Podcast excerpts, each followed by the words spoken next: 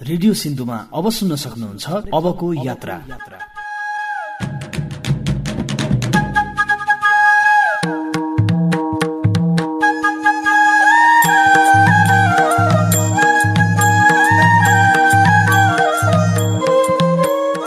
जोस जाँगर र सिप स्वदेशमै प्रयोग गर्ने हो भने धेरैका लागि रोजगारीको अवसर खुल्नेछ। पैसा कमाउन विदेशै जानुपर्छ भन्ने मान्यता हट्नेछ। जीविकोपार्जनको लागि त हामीले लगभग नुन र जिरा बाहेक अरू सबै हामी आफैले उत्पादन गरेको खान्छौँ। त्यही भएर चाहिँ नि बरु त्यहाँ अर्काको डर भाग बोकेर बस्नुभन्दा आफ्नो नेपालमा बस्नु ठिक जस्तो लाग्छ नमस्कार म दिपक खत्री। रेडियो पत्रिका अबको यात्रामा यहाँहरूलाई स्वागत छ।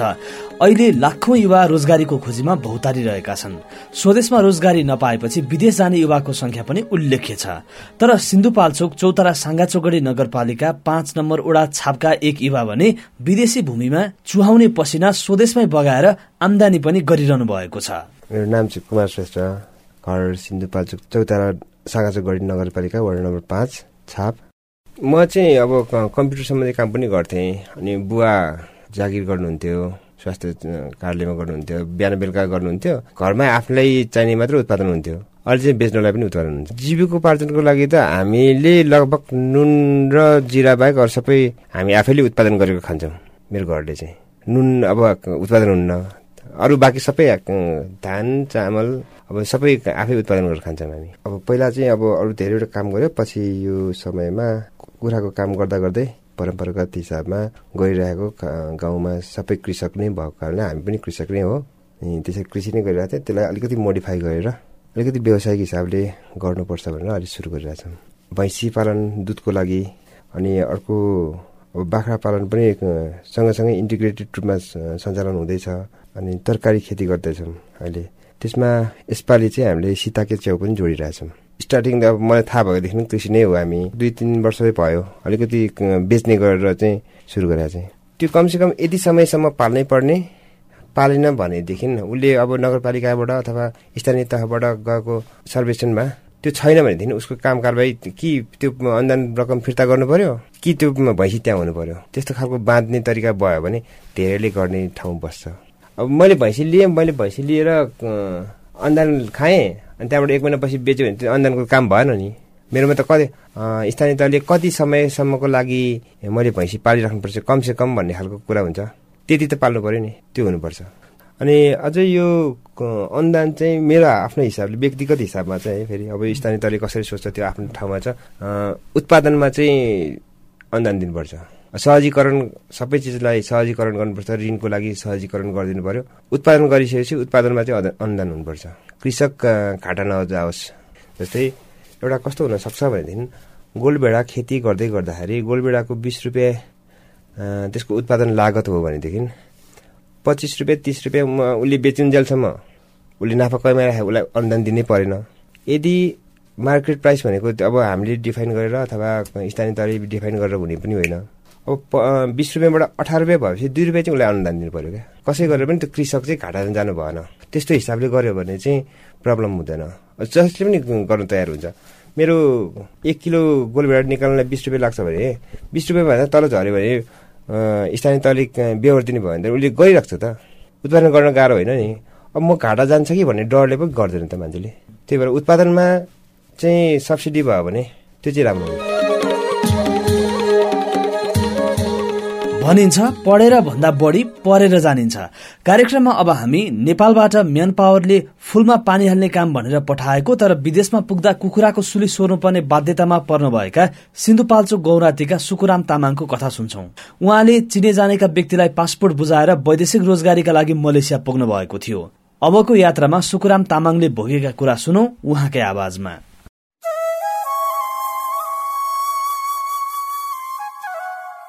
जान खोज्दै चाहिँ यहाँ एउटै हाम्रो आफ्नो आफन्तै छिमेकीहरू थियो। अनि उनीहरूले पनि ल यो फलाना काममा चाहिँ हुन्छ तिमीले गर्नु सक्छ भनेर चाहिँ भने हुन्छ। होला त म जान्छु भनेर चाहिँ गएको त्यसपछि त तलैबाट भिसा पठाएर गएको उनीहरूले नै। उसले चाहिँ हाम्रो नै मेन पावर छ। के हो गङ्गापुर मेन पावर है के भने भन्थ्यो मुखेन्जेल चाहिँ तर देखाउनु चाहिँ देखाएन कि हामीलाई। अनि पासपोर्ट ल्यायो पासपोर्ट ल्याइदियो अनि गएपछि तिमीहरू यो दिनमा फ्ल्याट भन्यो अनि टिकट सिकट ल्याएर उनीहरूले यदि बजे भनेर चाहिँ पठाइदियो त्यति हो। विदेशमा पाइन्छ भन्ने चाहिँ अलिकति मान्छेले यताउति भनेर लोभ पनि देखाए यस्तो काम गराउँछु उस्तो काम गराउँछु यति पाउँछ उति पाउँछ भनेर भने होइन। अनि त्यही भएर हुन्छ त जान्छु भनेर गर्न सक्छु होला। भनेर गएको म त्यहाँ पुगेर त राति नै भयो अरे माथि त्यो भेडा बाथान खाँदै खाँदै राखिदिइहाल्यो। माथि पुगेपछि त उनीहरूले अब कुन कुनलाई मनपर्छ त्यो त्यसले लगेर जाँदो रहेछ नि। उनीहरू पनि बाँड्दो रहेछ नि मान्छे।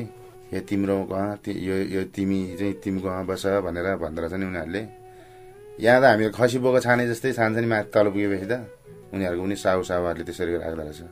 अब के के भन्यो के के भन्यो अर्काले यसो बस भने बस्ने हातको इसारा गऱ्यो भने कुरो सुरो बुझ्दैन पो। के भन्ने के भन्ने अब त्यस्तै गरी राखिदियो अनि भोलिपल्ट बिहान नौ दस बजेतिर।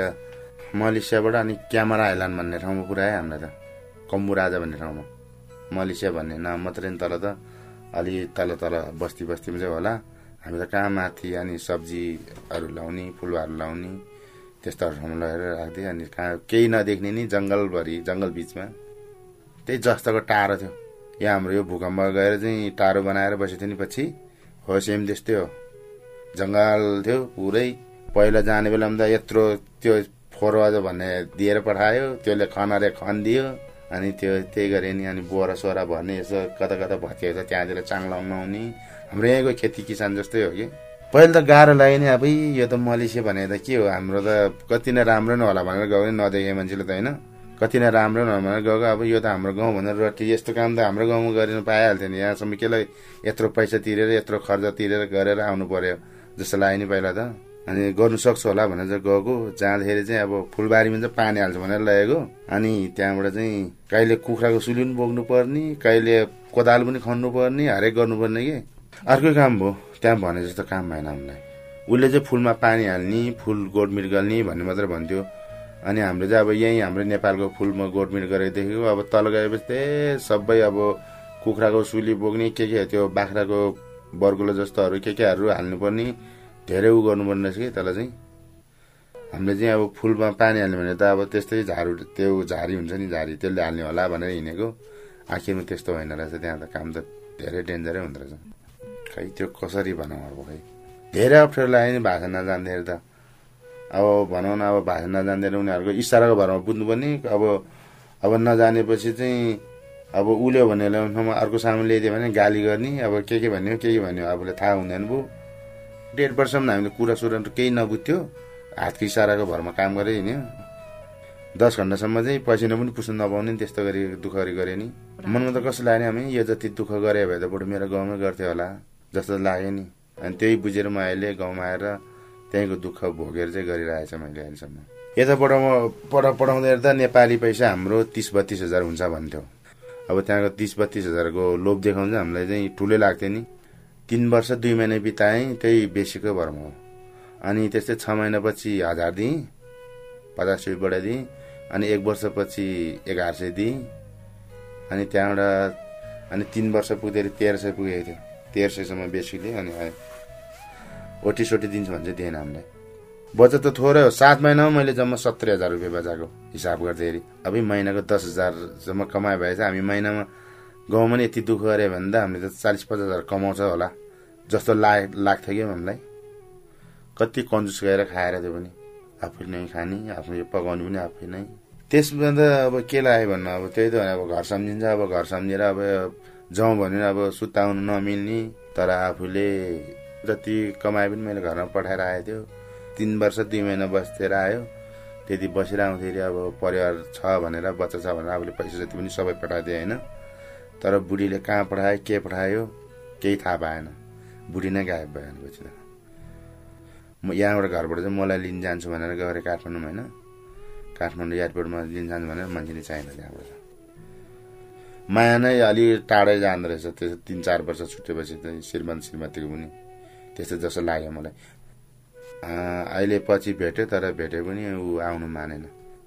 है के भयो अब? अनि के गयो भने तेरो के गरिसकायो तिमीले यसरी भन्दा तेरो बच्चाले सितायो भन्छ नि बच्चाले सिताएको ठिकै छ तिमी घर छोडिदिनु भने चाहिँ किन हो? भनेको। अनि जे भने पनि भइहाल्यो अब म आउँदैन भन्छन्। राम्रो थियो यसरी हिँड्ला उसरी हिँड्ला भने थाहा चाहिँ थिएन। यस्तो भएछ उसले चाहिँ कस्तो भएछ भने अब मैले कमाएको पैसा पनि पठाएँ होइन? अब दस पन्ध्रवटा जति अब गाउँघरमा त्यही त होइन? गाउँघरमा चाहिँ बाख्रा पनि थियो दस पन्ध्रवटा जति अनि भैँसीहरू पनि थियो उसले त्यो पनि सबै सिताएछन् सबै सिताएछन् र गाउँतिर पनि अलिअलि उसले सकुन्जेलसम्म हल्का फुल्का मान्छेसँग ऋण लिँदै खाँदै हिँडेछ। अनि त्यो तिर्नु नसकेर हो कि तिर्नु तिर्नु नसकेपछि अनि त्यहाँबाट घरको पनि सक्यो अब बुढा पनि आइहाल्यो। त्यही भएर चाहिँ निस्किएर हिँडे जस्तो लाग्यो मलाई। आफ्नो मनको कुरो त्यो चाहिँ। मैले भन्दैछु आऊ जे हुनु भयो मन बुद्धि एकैचोटि आउँदैनन्। कहिले बिग्रिने मती पनि हुन्छ कहिले सबानी ऊ पनि हुन्छन् भनेर भने मैले। अनि भन्दाखेरि चाहिँ अनि भयो। तिम्रो खुसी तिमी गर मेरो खुसी म गर्छु भन्छन्। जति भन्नु हुँदैन।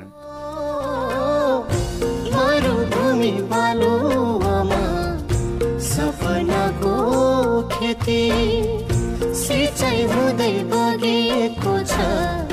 पसिनाको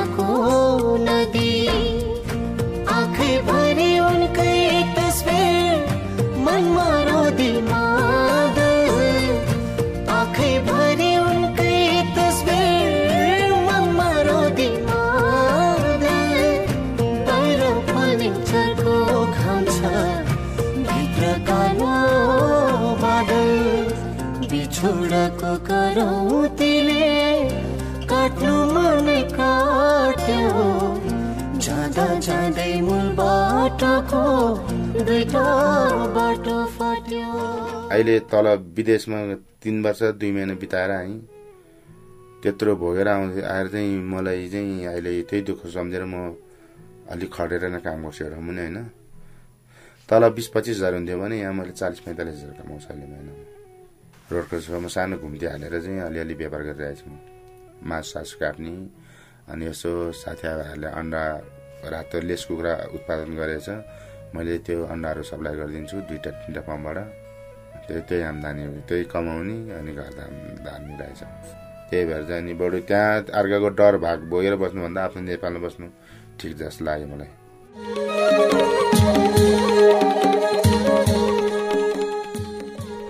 अहिले तपाईँ रेडियो पत्रिका अबको यात्रा सुन्दै हुनुहुन्छ।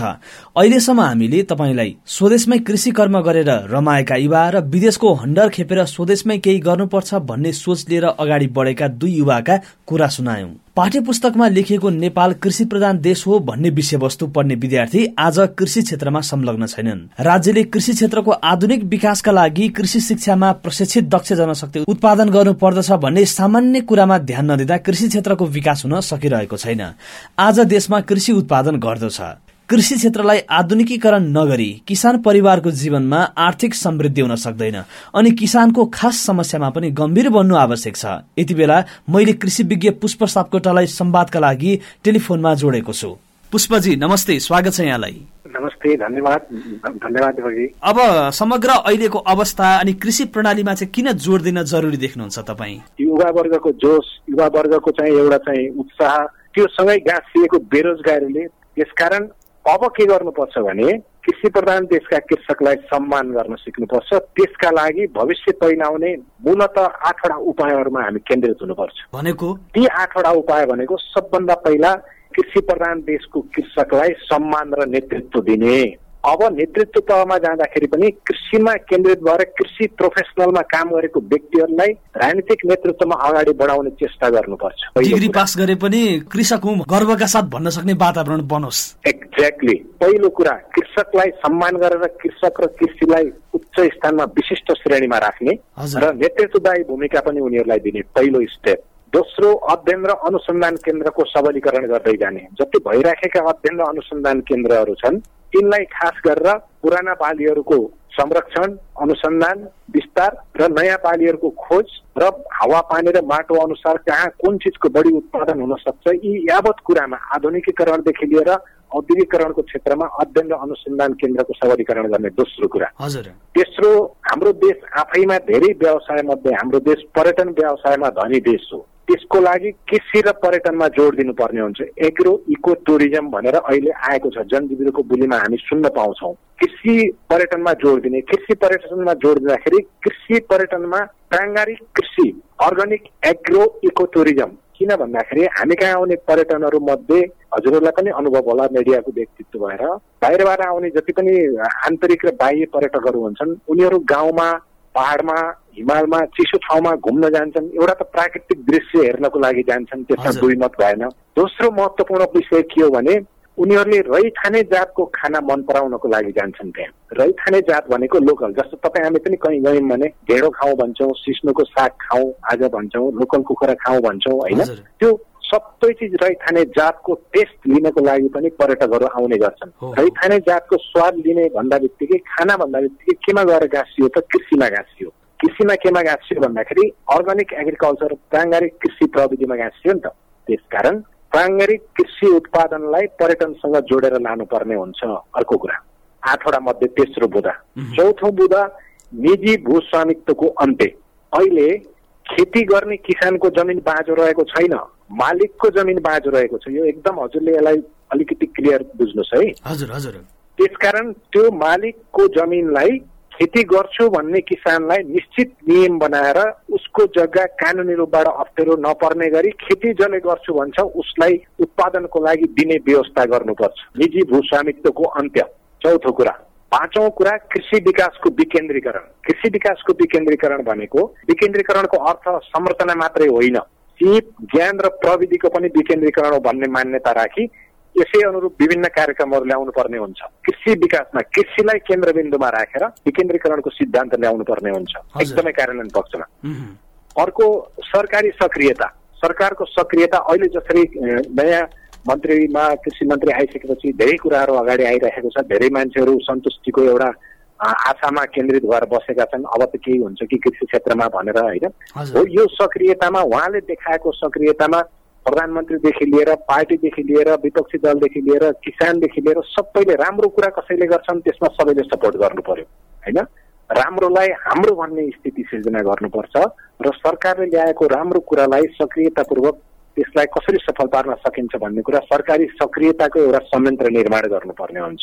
र त्यसपछि सातौँ कुरा जारी प्रयासहरू संस्थागत गर्ने। सुरुदेखि तपाईँको पञ्चवर्षीय योजनादेखि अहिलेसम्म आउँदै गर्दा जति पनि प्रयासहरू भए कृषिको उत्पादनको लागि उत्पादकत्व वृद्धि गर्नको लागि कृषिमा आत्मनिर्भर हुनको लागि त्यसमध्ये जुन जुन राम्रा पक्षहरू छन् जसले एउटा राम्रो परिणाम देखाएको छ राम्रो नतिजा देखाएको छ जसबाट कृषिमा आधारित जनसङ्ख्याहरू सन्तुष्टि छन् उपभोगकर्ता र उत्पादनकर्ता दुवै सन्तुष्ट छन् त्यस्ता चिजहरूको निरन्तरता दिने गरी संस्थागत संरचनाको विकास गरिनुपर्छ।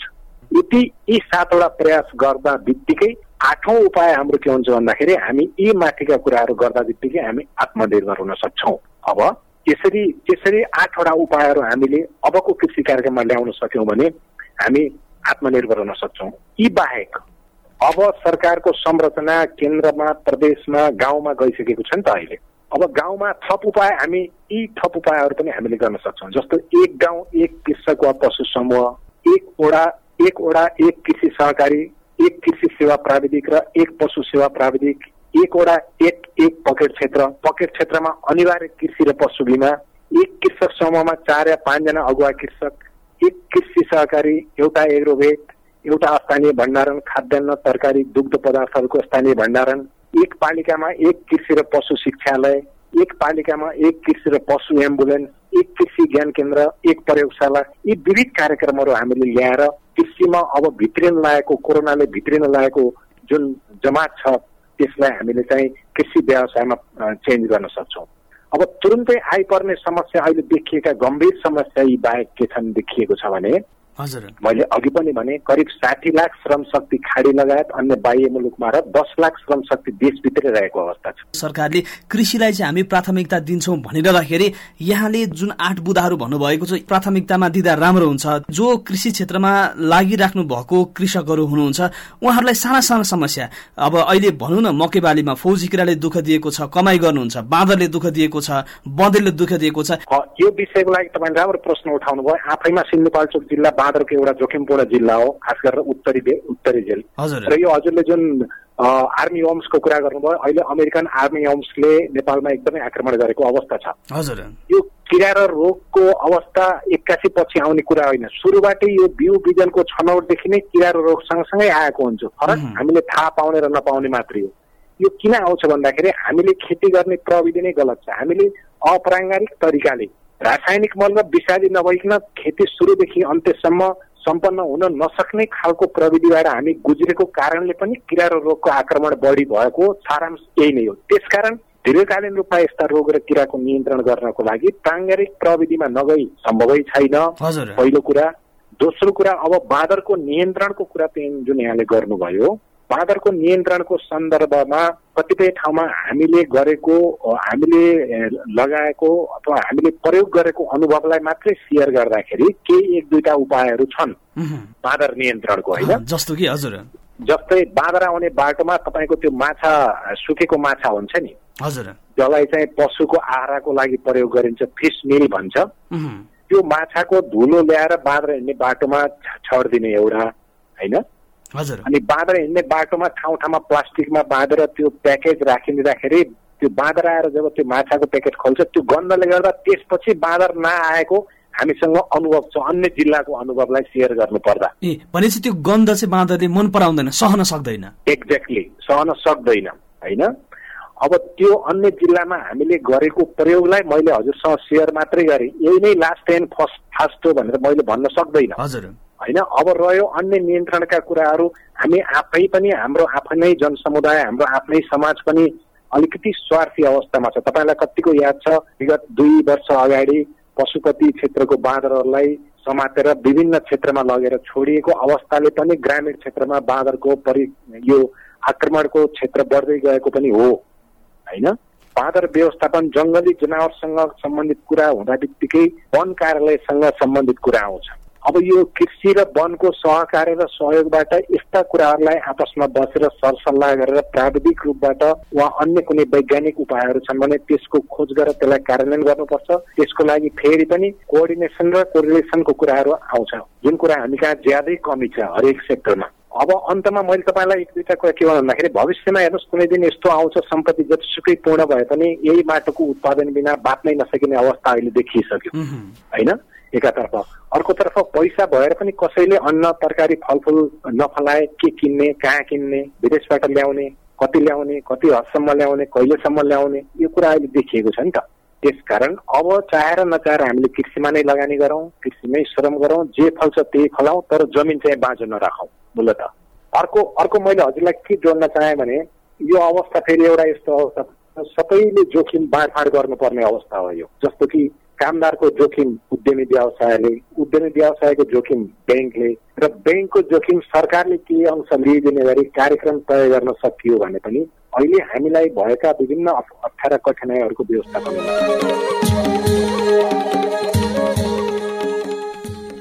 उहाँ हुनुहुन्थ्यो कृषि विज्ञ पुष्प सापकोटा। उहाँले भन्नुभयो चाहिँ कृषि क्षेत्रको दिगो विकासका लागि दक्ष कृषकहरू उत्पादन गर्नुको विकल्प छैन। पेसागत सिप बिना कृषि क्षेत्रको विकास योजनामा मात्रै सीमित हुने कुरामा दुई मत छैन।